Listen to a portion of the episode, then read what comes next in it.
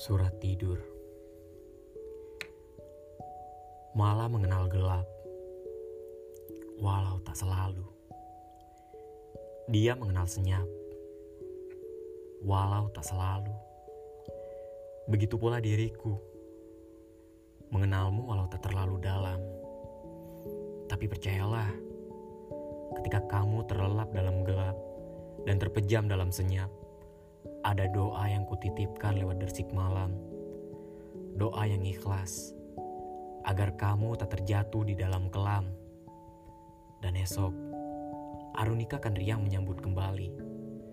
Sama halnya dengan diriku, menyambut sesuatu yang kusebut cinta. Selamat tidur.